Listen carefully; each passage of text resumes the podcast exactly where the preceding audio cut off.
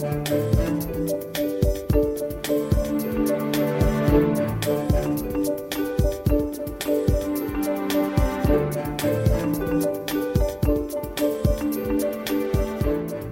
Bodziuk, dzień dobry. To jest program Szczerze o Pieniądzach. W studiu gość e, dr Michał Kacprzyk, Kancelaria Raczkowski. Dzień dobry. O rynku pracy porozmawiamy sobie.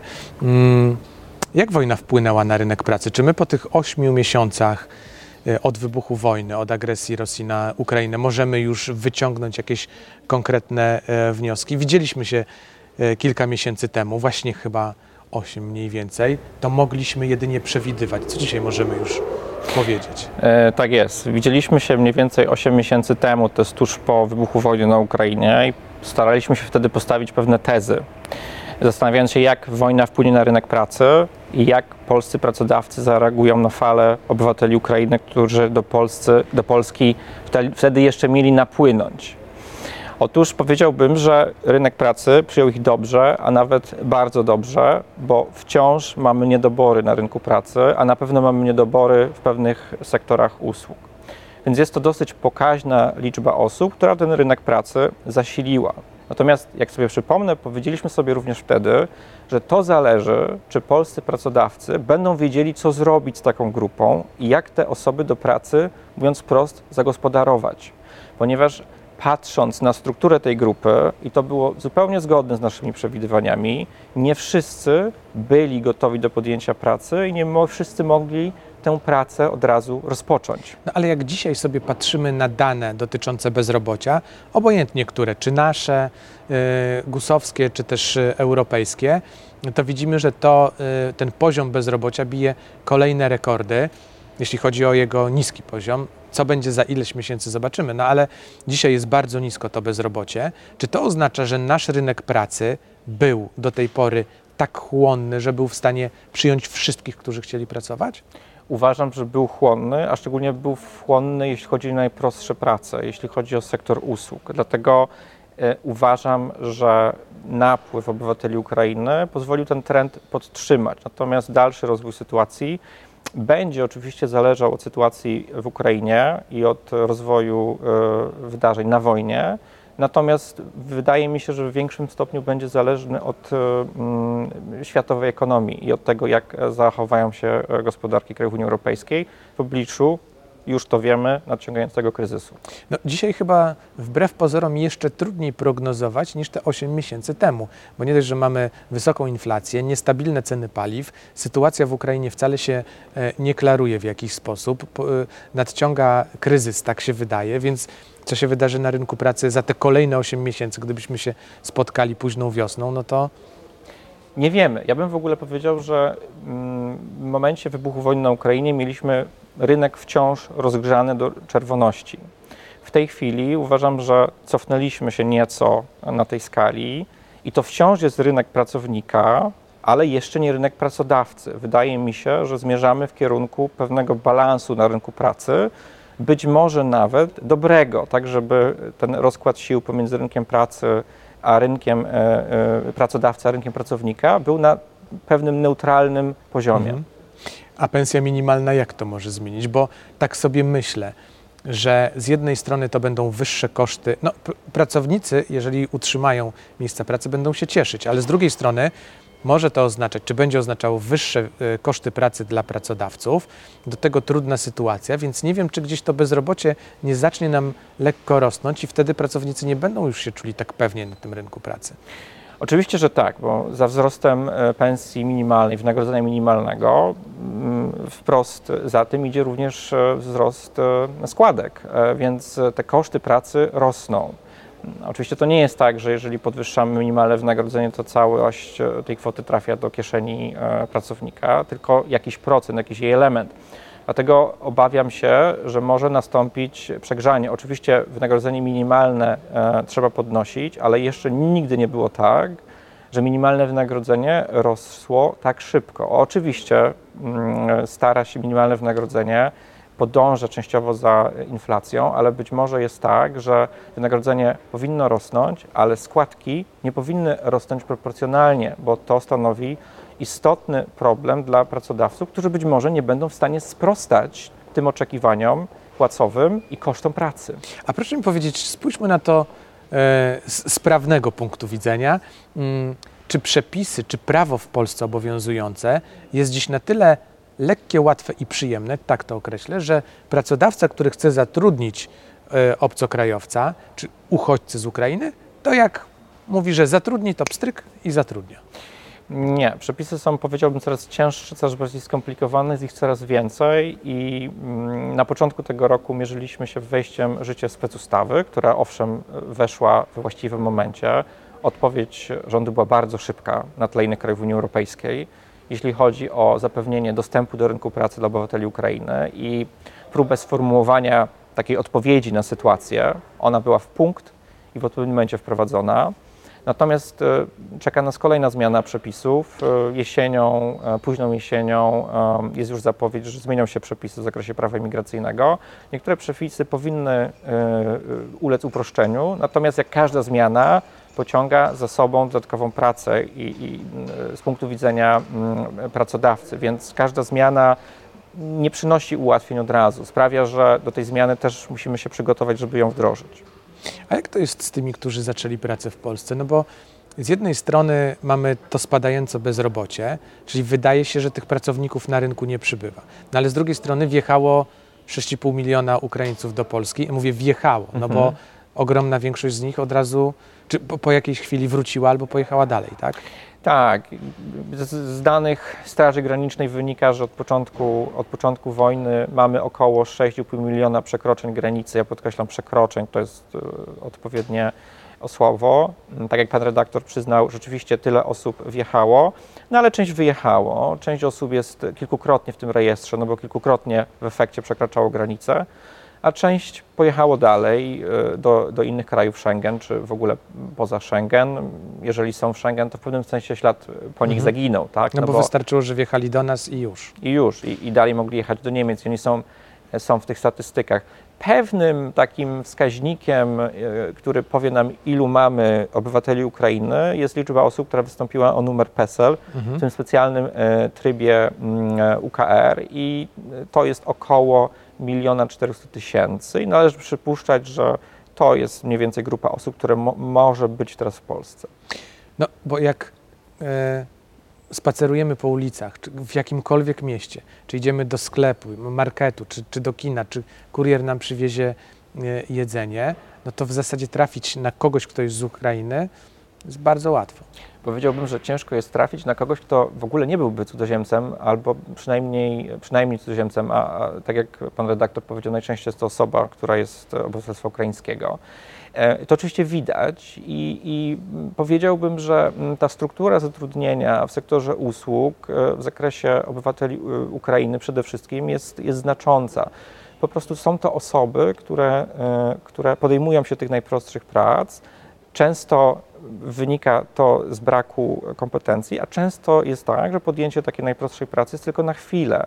E, To nie jest niczego złego, że ktoś chwilowo poniżej kompetencji podejmuje e, pracę poniżej swoich No, kwalifikacji. z czegoś trzeba żyć. Z czegoś trzeba żyć, więc uważam, że to należy, e, to należy wręcz pochwalić. Natomiast oczywiście pytanie jest, Wejdę panu w słowo, bo teraz przypomniało mi się, ile mieliśmy takich sytuacji, że dobrze wykształceni Polacy na wyspy jeździli i pracowali na tym umownym zmywaku, prawda?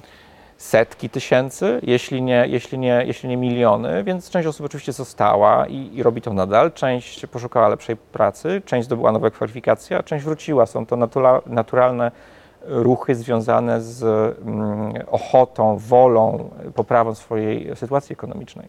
A czy to oznacza, że no, skoro pracują Ukraińcy e, i to bezrobocie w Polsce spada, to czy my w ogóle e, mamy ten rynek pracy w zasadzie jak z gumy? Wszystkich przyjmiemy?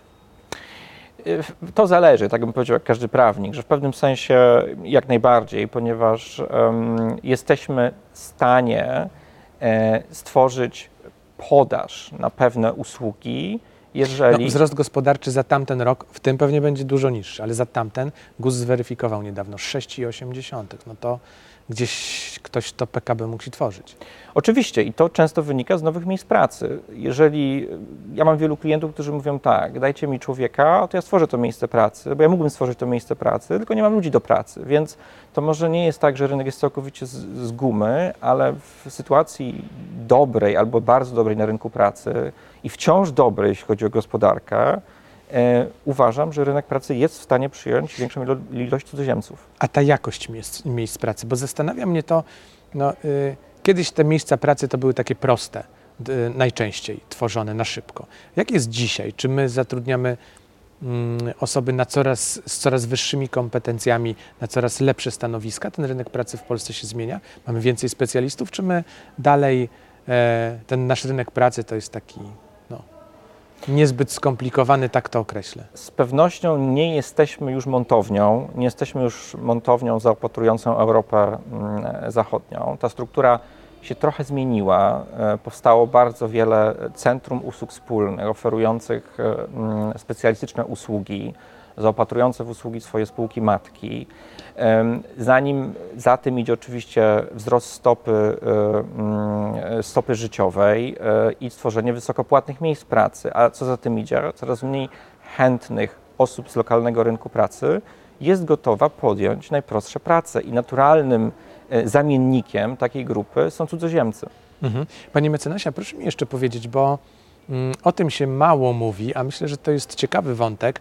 E, zanim wybuchła wojna, Rosjanie w Polsce pracowali. Tak jest. Wybuchła i dalej pracują. Co się z nimi dzieje? Chyba, że wyjechali wszyscy. Raczej nie. Polska nigdy nie była jakimś e, wielkim e, k- krajem, do którego Rosjanie ochoczo przyjeżdżali podejmować No, ale pracę, zdarzało ale się- zdarzało tak. się. Ja oceniam liczbę Rosjan w Polsce na około mm, pracujących, mieszkających na około kilkunastu tysięcy. I to jest grupa osób, która jest i póki co raczej nie wyjeżdża. Są to osoby, które mieszkają tu jakiś czas. Szczególnie Rosjanie są widoczni w grupach wysoko wy- wykwalifikowanych. Bardzo często e, widuję e, Rosjan informatyków, e, którzy są świetnymi pracownikami. I sądzę, że nie zmienią miejsca zamieszkania, jeżeli e, nie będą do tego zmuszeni. To znaczy, No ale nie oszukujmy się, jeżeli nie jesteśmy blisko z taką osobą, to statystyczny Polak nie będzie w stanie, jeżeli ktoś mu nie powie, e, odróżnić, czy to jest Rosjanin, czy on przyjechał z Ukrainy, jeżeli ktoś się do tego nie przyzna. No my tak średnio rozróżniamy rosyjski od ukraińskiego. Po niektórych słowach pewnie już tak, już się uczymy, no ale Szczególnie, że część Ukraińców, obywateli Ukrainy i Mówi tak mówi po rosyjsku, rosyjsku, i tak. porozumiewa się po rosyjsku, więc jest ciężko tę grupę odróżnić. Na pewno mamy pewne ograniczenia, jeśli chodzi o dostęp do rynku pracy e, dla Rosjan. Ale przepraszam, Mhm. o, dobrze, że Pan ten wątek po, poruszył, bo zastanawiam się, dostęp y, dla Rosjan ograniczony teraz, oni nie mogą wjeżdżać do nas w zasadzie, a ci, którzy już, już są, czy coś dla nich się zmieniło, czy nie? Właśnie, bo trzeba, trzeba rozróżnić dwie grupy. Zdobycie wizy celem pracy w Polsce dla obywatela Ro- Rosji, czyli dla takiego, który miałby się tutaj pojawić, jest trudne, bardzo trudne, a nawet niemożliwe. Jest możliwe tylko w ściśle określonych Mhm. e, przypadkach. Osoby, które posiadają e, wizy krajów Schengen, wizy turystyczne, nie są już wpuszczani przez polską granicę. I może to nie jest tak, że nie mogą tu wjechać, bo po prostu mogą tu wjechać przez inny kraj, ale do tego przekroczenia nie może dojść chociażby na granicy z, z Kaliningradem. Nie zapominajmy, Mhm. że my graniczymy z Rosją.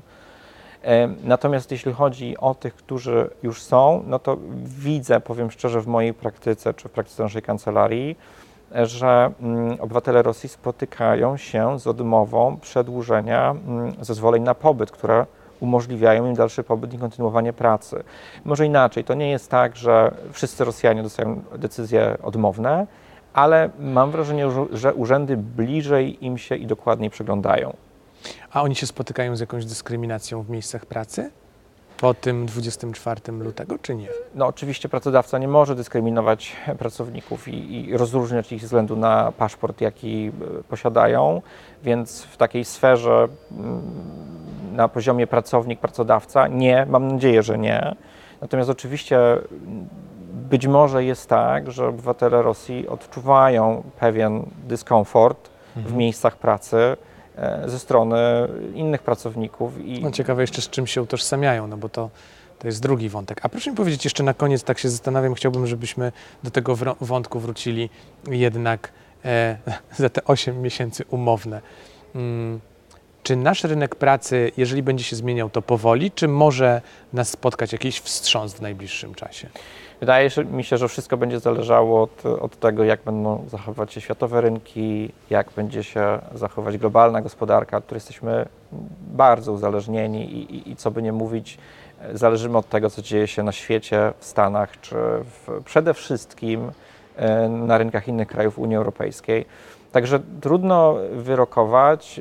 Mam wrażenie, że rynek pracy jest w stanie przyjąć cały czas większą liczbę cudzoziemców i należy się też spodziewać e, kolejnej fali napływowej z Ukrainy. Sądzę, że to nie jest tak, że to są wszyscy, którzy już wjechali, to, którzy tu już są, to już wjechali i większa liczba osób nie wjedzie. Sądzę, że pojawi się tutaj kolejna Mhm. grupa. To jeszcze jedno pytanie, takie pytanie trochę e, z boku wydaje mi się, bo nie chodzi o e, e, doświadczenie czy wiedzę prawniczą, ale o, o Pana obserwacje. Jak Pan spotyka się z przedsiębiorcami, z, z klientami kancelarii, rozmawia z przedsiębiorcami, to jakie nastroje Pan wyczuwa w kontekście rynku pracy właśnie? Czy będzie dalej czas zatrudniania, czy może być trudniej, czy oni się boją tego, co się wydarzy, czy na razie jeszcze twardo stąpają po, po ziemi? Myślę, że pracodawcy, nasi klienci są ostrożni, to znaczy są wciąż optymistycznie nastawieni do tego, jak wydarzenia się potoczą, ale są już ostrożni w tym sensie, że mm, są gotowi na to, że być może em, dotknie ich redukcja zatrudnienia i będą musieli się mierzyć z taką sytuacją. Więc powiedziałbym, że wszyscy wyczekują. Dziękuję pięknie. Michał Kacprzyk, dr Michał Kacprzyk, Kancelaria Raczkowski. Bardzo dziękuję za zaproszenie. Dziękuję jeszcze raz. To był program Szczerze o Pieniądzach. Ernest Bodziuch, do zobaczenia.